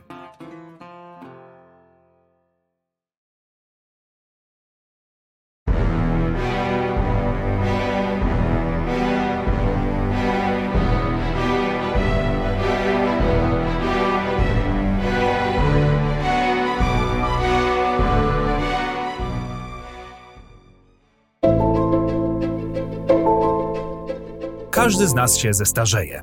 To banał i truizm, wiem, ale każdy od tej myśli zdaje się uciekać, bo to przecież jeszcze tak dużo czasu, a i tak pewnie nie dożyje, bo rak czy tir na drodze załatwią sprawę. Ale podświadomie każdy by chciał tego zacnego wieku dożyć, jak nie dla siebie, to dla wnuków chociaż, żeby to wszystko miało jakiś sens, choćby najmniejszy. Nasze społeczeństwo już teraz żyje pod dyktando osób starych. Statystyka jest pod tym względem nieubłagana. Wykresy demograficzne przypominają już gliniany wazon zamiast solidnej piramidki. Doszliśmy do punktu, w którym całe państwo kieruje się wolą osób, które mają już w całość niewielki wkład. Prawy i sprawiedliwy kraj oczywiście powinien dbać o najstarszych mieszkańców, bo w końcu na ich barkach budowana była niegdyś przyszłość, ale ci ludzie dziś zdają się zapominać, że należy nie tylko niekiedy ustąpić miejsca nowym pokoleniom, ale też oddać im trochę racji, co za tym idzie woli sprawczej. A tak niestety się nie dzieje. Baby boomers to pokolenie urodzone w latach 43-60. Zaraz po wojnie ludzie zaczęli się mnożyć jak komary w stawie. To także pierwsze w skali świata pokolenie, które licznie dożyło sędziwej starości. Przecież to właśnie dzięki tym ludziom mamy ogólną kontrkulturę, ruchy hipisowskie czy całą rewolucję seksualną. Co się więc stało, że osoby, które kiedyś pierwsze szły pod sztandarem transformacji, dziś stoją w opozycji do rozwoju technologicznego, zaprzeczają m.in. zmianom klimatycznym, czy z agresją godną nastolatka walczą z pokoleniem milenialsów? Bo co, jak młody nie będzie harował pół życia jak on, to nie jest godny swojej pensji? A jednocześnie mówią to osoby, które pławią się w socjalnych luksusach. Zdecydowana większość wyborców powyżej 55 roku życia głosuje już tylko za stabilizacją i benefitami w postaci dodatkowych emerytur czy dopłat. Wiadomo, że często wynika to z biedy, ale ciężko nie dostrzec w tym również pewnego przejawu egoizmu. Skoro wszystko rzekomo robią dla wnuków i przyszłych pokoleń, to czemu chcą wszystkiego dla siebie, jednocześnie krytykując własne dzieci za lenistwo i brak aspiracji życiowych? Ale jak prowadzić dyskusję z kimś, kto dostał od państwa zawód, potem mieszkanie, samochód, a nawet wakacje z zakładu pracy? Dla nich sytuacja kredytowa i mieszkaniowa to jest jakaś jedna wielka, niezrozumiała bajka, której próby pojęcia nawet nie zamierzają się podejmować, a jednocześnie dyktatura emerytów trwa w najlepsze. A przykładów jest więcej niż dużo. Kto musiał wejść w system służby zdrowia, ten doskonale to zna i rozumie. Bo starzy ludzie traktują NFZ jak bułgarski kurort, w którym można leczyć choćby katar sienny, umawiając się do lekarza co tydzień, miesiąc w miesiąc, rok do roku, blokując tym samym wydolność systemu. Młodzi niech zdychają w kolejkach, mnie tu kolano boli, panie doktorze. Według ocen ONZ w 2050 roku pierwszy raz w historii ludzkości osób powyżej 65 roku życia będzie więcej niż tych poniżej 15 roku życia. Wtedy dopiero będzie wesoło, bo trzeba będzie robić niemalże wszystko dla ludzi, którzy nie będą dawać już nic. Co najwyżej korki, bo już teraz Londyn wprowadził dłuższe światła dla pieszych właśnie ze względu na starszych przechodniów. Z sądami też jest podobnie. Setki, tysiące listów tygodniowo z pozwami dotyczącymi waloryzacji swoich rent i emerytur. Wszystkie błędnie adresowane, przez co miesiącami sądy muszą odsyłać wszystko do prawidłowego adresata, jakim jest ZUS, zamiast zajmować się normalną pracą. Wszystko dlatego, że jeden dziad z drugim woli słuchać sąsiada, zamiast przeczytać poradę prawną. Emerytury i socjale drenują budżet państwa lepiej niż politycy kopią w Mierzei Wiślanej. Ale i tak im mało, zawsze za mało. Jak gdyby inni mieli więcej. Ja kurwa rozumiem, że wszystko drożeje, wiem, bo też chodzę do sklepów, kupuję podobne produkty, ale to nie znaczy, że wyrabiam jakieś kosmiczne kwoty. A w zamian dostaję co najwyżej nowy podatek. Jestem za stary na 800, plus, ale jednocześnie za młody na dodatkową emeryturę. Za bogaty na mieszkanie z socjalu, ale za biedny na lokal bez kredytu na pół życia. Jestem natomiast idealnym obywatelem, żeby na to wszystko zapierdalać, dzień i noc, aż pęknie mi krzyż. A tego już nie wyleczę, bo trafię do kolejki, w której na badania będę czekał pół roku. To ja pracuję dla siebie w końcu, czy dla wszystkich innych? Zdaję sobie sprawę, że to nieładnie, wręcz niekulturalnie tak mówić, ale wkurwiają mnie starzy ludzie. Tak, niepopularna opinia, wiem. Irytują mnie dawnymi wymogami kulturowymi, w których szacunek należy się za samo dożycie określonego wieku, choćby większość tego żywota przeżyło się jak ostatni złamas. Podnosi mi ciśnienie ciągłe narzekanie na młodszych, tylko dlatego, że chcą żyć i myśleć inaczej i nie godzić się na systemowe absurdy.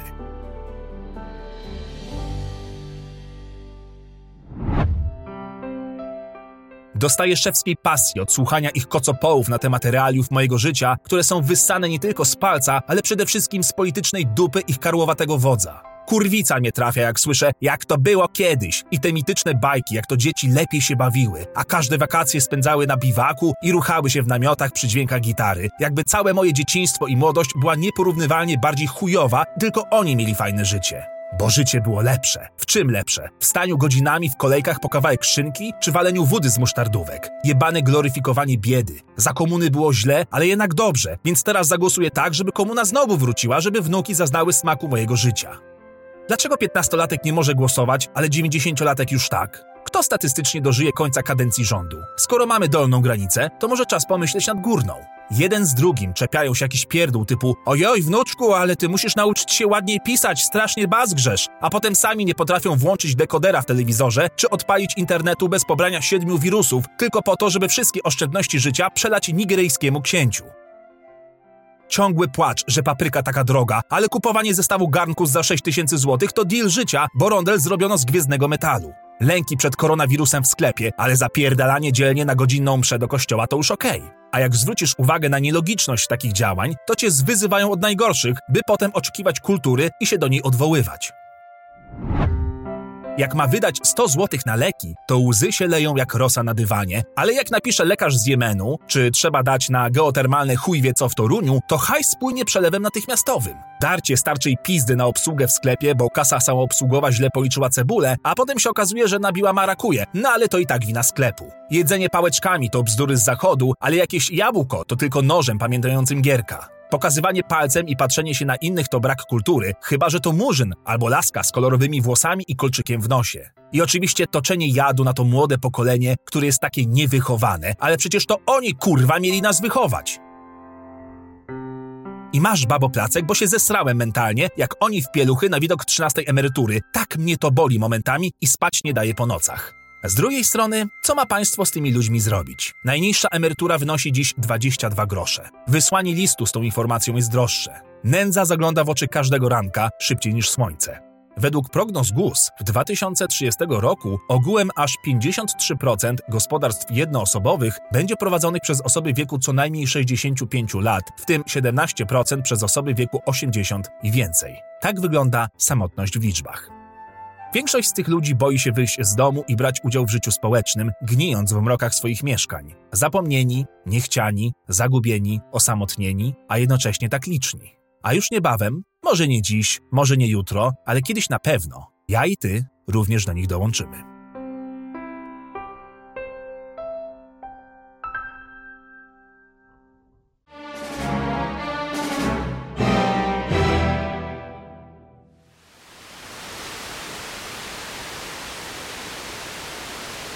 Konkretną misją, której uwagi nie odwróci. Płonie, płonie ZUS, płonie! Płonie, płonie ZUS, płonie! Płonie, płonie ZUS, płonie! Płonie, płonie ZUS, płonie! Płonie, płonie ZUS, płonie! Płonie, płonie ZUS, płonie! Płonie, płonie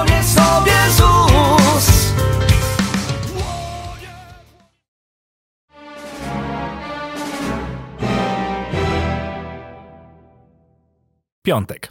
Serial oryginalny. Czyta Grzegorz Barański. Może gdyby mój charakter nie nosił tylu blizny, jakie pozostawił mi okres szkolny, to te obrazki byłyby dla mnie jakąś formą nostalgicznej wycieczki po rzece wspomnień. Ale osobiście nie mam za czym tęsknić. No, może prócz ludzi. Bo jednak szkoła a ludzie to dwa różne światy. I jak to bywa w szkole, miałem przyjemność, lub jej brak, poznać prawdziwy wachlarz niezwykle intrygujących osobistości. Tak, tak, moi drodzy, czas na typ uczniów, ale w moim piątkowym wykonaniu. Ciekaw jestem, do których wy należeliście. Dajcie znać po obejrzeniu.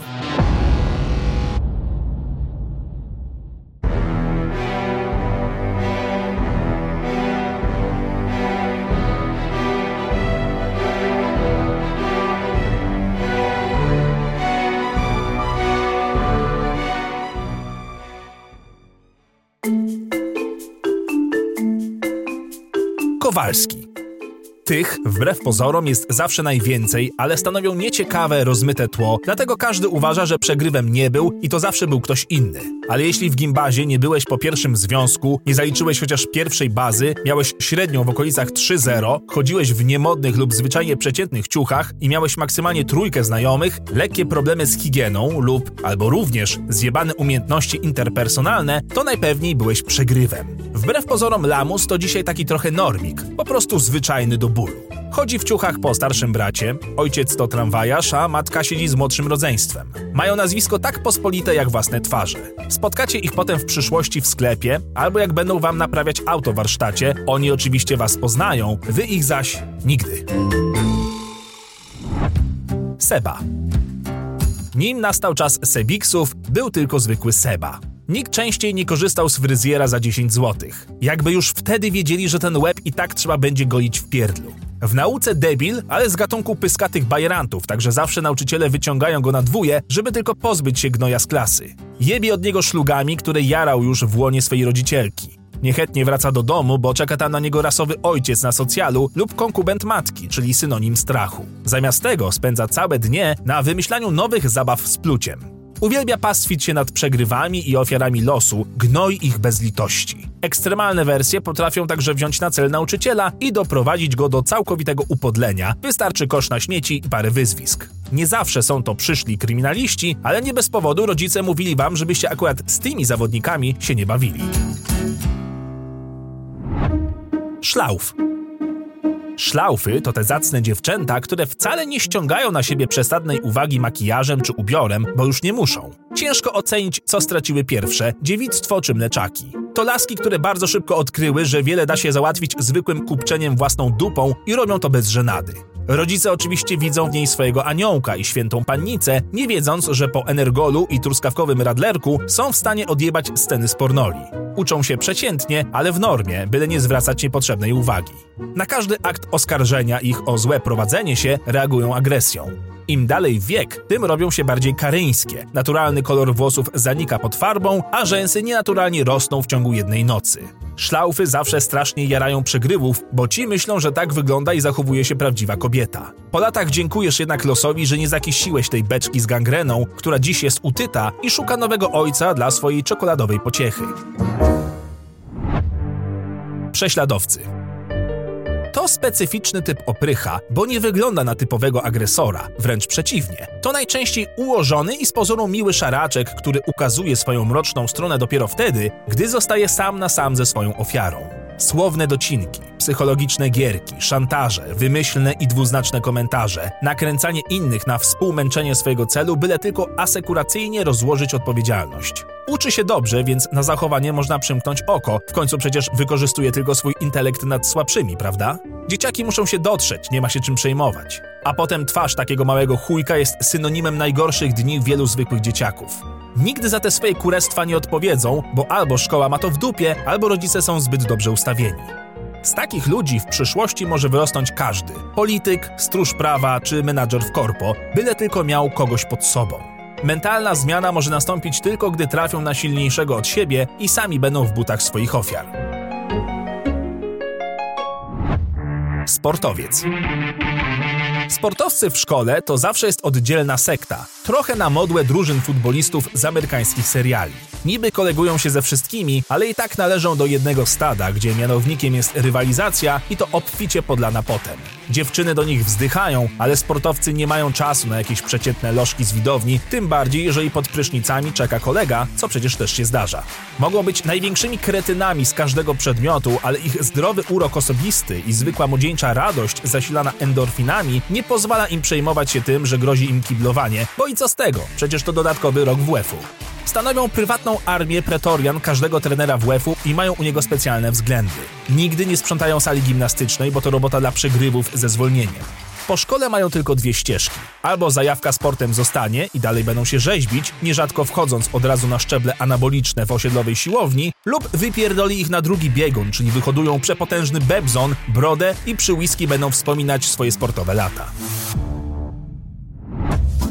Gitowcy. O git ludziach zawsze mało się pamięta, przecież też ich trochę było. To te ziomki i koleżanki, które utrzymują średnią na wysokim poziomie, ale przy tym są zawsze pomocni, wyluzowani, życzliwi i zwyczajnie przyjaźni w codziennym szkolnym obyciu. Ubrani na czasie, w miarę kulturalni, ogarnięci i śmieszkowi są oczkiem w głowie nauczycieli, bo z nimi zawsze jest najmniej problemów to oni pomogą wam wstać, jak zarobicie lepę na ryj od seby, albo pocieszą dobrym słowem na przerwie, jak będziecie mieć jeden z depresyjnych epizodów, których przecież w tym wieku nie brakuje. Potem o nich zapominamy, bo oprócz bycia uprzejmymi, nigdy za bardzo się z nimi nie kumplowaliście. Oczywiście każdy by chciał móc powiedzieć o sobie, że był takim git człowiekiem. Dopiero po latach człowiek uświadamia sobie, że było mu daleko do takiego ideału i teraz też brakuje mu takich ludzi w dorosłym życiu. Banany. Kiedyś posiadanie bogatych rodziców przejawiało się posiadaniem większej ilości fajnych zabawek i właściwie tyle. Teraz to oddzielny gatunek, który przy okazji nauki spełnia też jakąś swoją drugą pasję i najczęściej jest to kariera muzyczna. Wannabe, hardkorowi raperzy i słodkie blond klony Sany wychodzą z prywatnych szkół taśmowo. Rodzice doją na nich grube tysiące, byle tylko dziecko miało więcej niż oni mieli, albo zwyczajnie, żeby się od nich odjebali i zajęli się sobą. Niestety za kasą często idzie też buractwo, poczucie wyższości, no i dragi oczywiście, które zdają się być absolutną codziennością w życiu tych bogatych ćpunów. W końcu na profesjonalny odwyk i detoks i tak będzie ich stać, o ile już na nich nie byli podczas wakacji. Banany trzymają się siebie i nigdy nie wejdziesz do ich świata. Możesz co najwyżej z niego wypaść. Można ich nie lubić, gardzić, szydzić, czy nawet współczuć, ale i tak wszyscy w głębi serduszka trochę im tego hajsu zazdrościli. Tak jak oni zazdrościli innym, że mają uwagę własnych rodziców. Przegryw.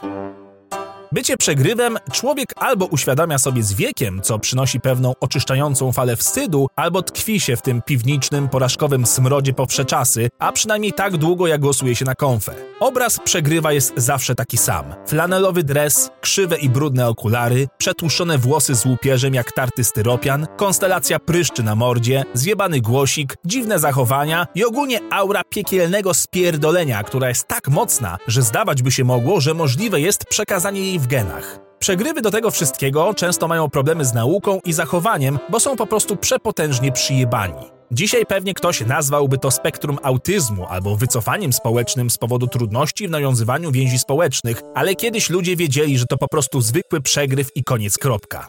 Boomerski amen. Kujony.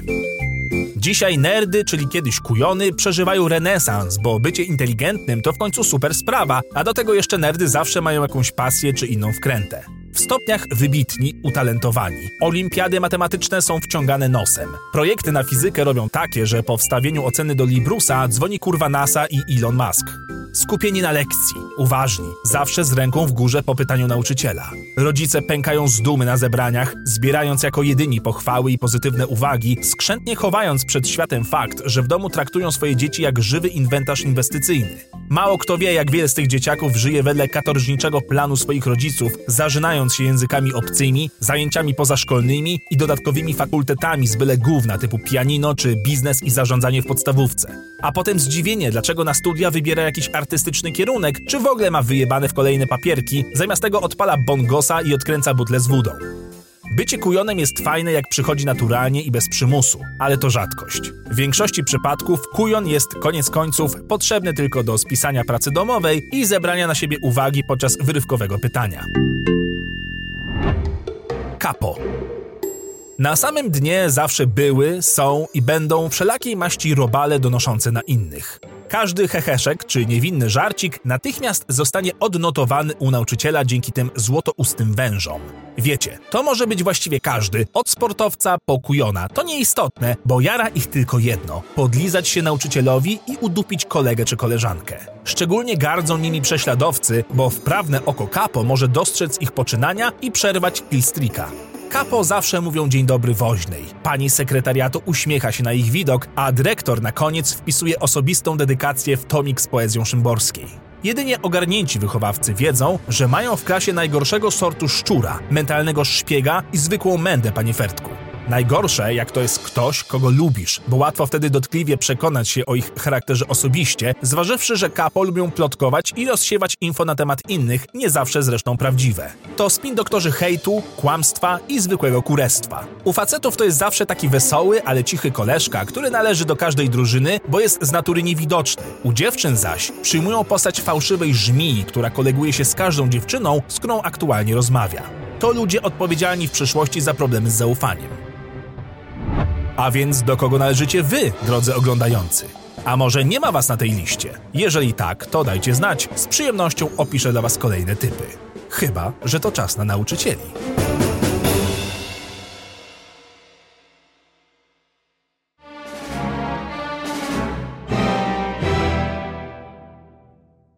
Piątek. Serial oryginalny. Czyta Grzegorz Barański. Sobie może jakąś lasagne dzisiaj zrobię, co bym nie schudł przypadkiem. Dodamy trochę oregano, pieprzu i oczywiście... O, no to teraz będzie. A więc stało się. Czeka mnie przepotężne nieszczęście. Ale nie, czekajcie, jednak nie, bo używam więcej niż jednej szarej komórki. Ale nie u wszystkich tak wygląda życie z zabobonami.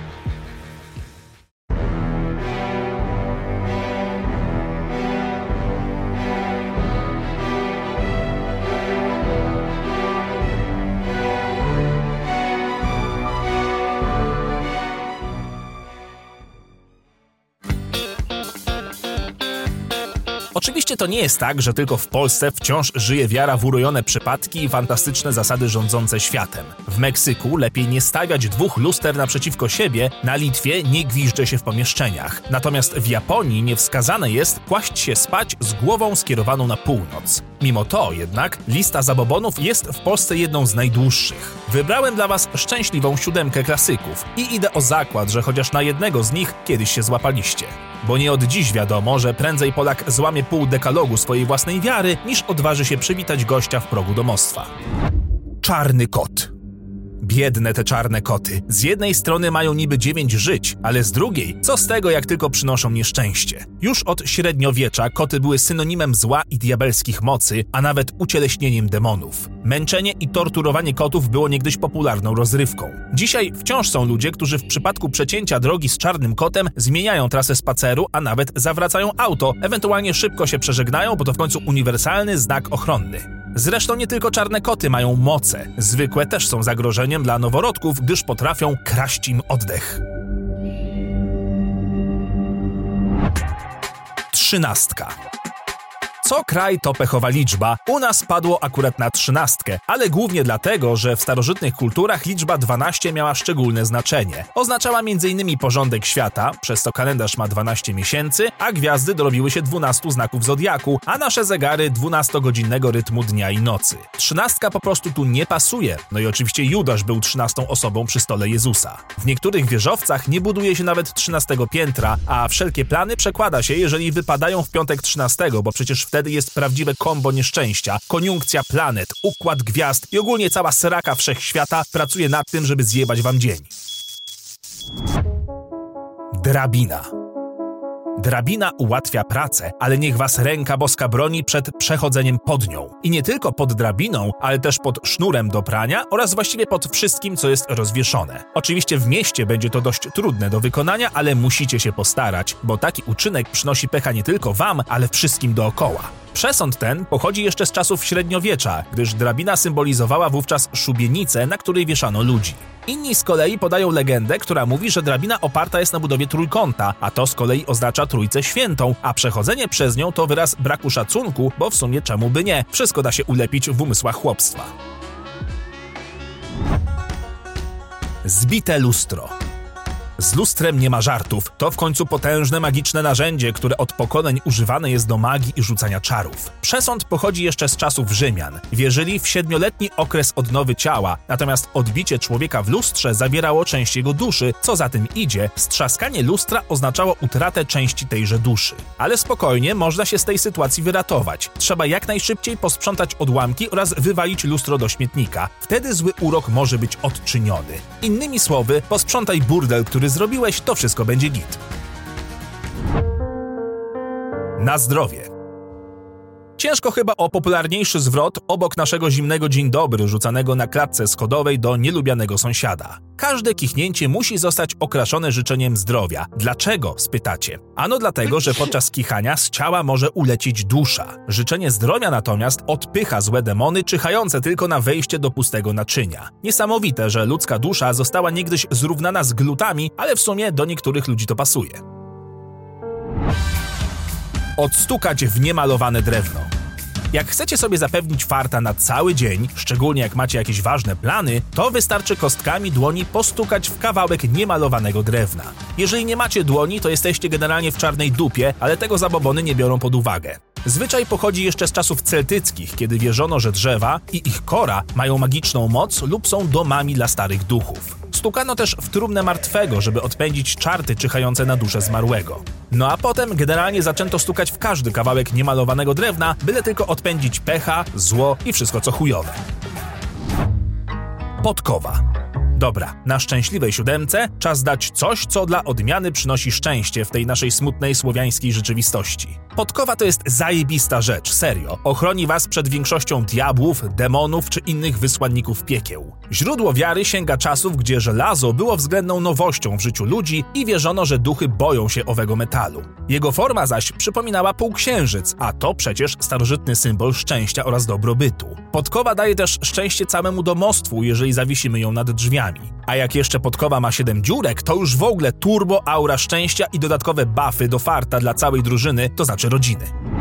Ale, jak mówiłem na początku, zabobonów w Polsce jest naprawdę cała masa. Z tych mocno absurdalnych możemy jeszcze wymienić. Zasłanianie dłonią ust podczas ziewania, żeby ktoś nie policzył wam zębów i nie rzucił uroku. Buty pozostawiane na stole przynoszą kłótnie. Dzwonienie w lewym uchu to oznaka zbliżającego się nieszczęścia. Stawianie torebki na ziemi sprawia, że pieniądze z niej uciekają. Kiwanie nogami siedząc na krześle jest zabronione, bo się diabeł kołysze, cokolwiek to kurwa znaczy. Nie oglądajcie też zbyt długo czyjejś dłoni i róbcie wszystko, by nie patrzeć na zakonnicę, bo na tego pecha nie pomoże nawet trzykrotne splunięcie przez ramię, czyli to już solidna magia zła. A jak macie kobietę w ciąży, to radzę spełniać jej zachcianki, bo inaczej zjedzą was myszy.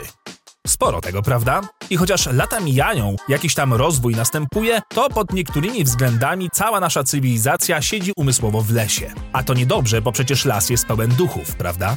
A, no i nigdy nie otwierajcie parasola w domu. Chyba, że wybieracie się na otwarcie.